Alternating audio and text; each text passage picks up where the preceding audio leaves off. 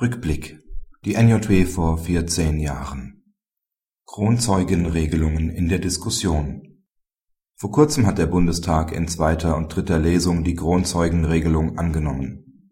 Danach wird es eine deliktsübergreifende Große Kronzeugenregelung geben, die effektiv der Aufklärung oder Verhinderung von schweren Straftaten dienen soll.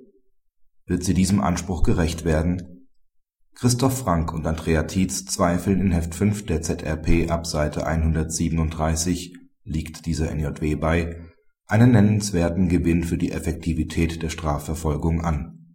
Zudem fürchten sie massive Wertungswidersprüche zum derzeitigen Strafzumessungssystem und eine Verkomplizierung der Strafverfolgung. Dass die Diskussion um die Kronzeugenregelung nicht neu ist, beweist der Aufsatz von Hans F. Liesken in der NJW von vor 14 Jahren NJW 1995, Seite 1873. Darin hatte er sich dem Thema Korruptionsbekämpfung gewidmet. Der Zweck einer effektiven Verbrechensbekämpfung könne unredliche Mittel wie etwa den Zeugenkauf also Kronzeugen nicht rechtfertigen. Der Zeugenkauf selber komme aus der Welt der Korruption und sei daher in sich rechtswidrig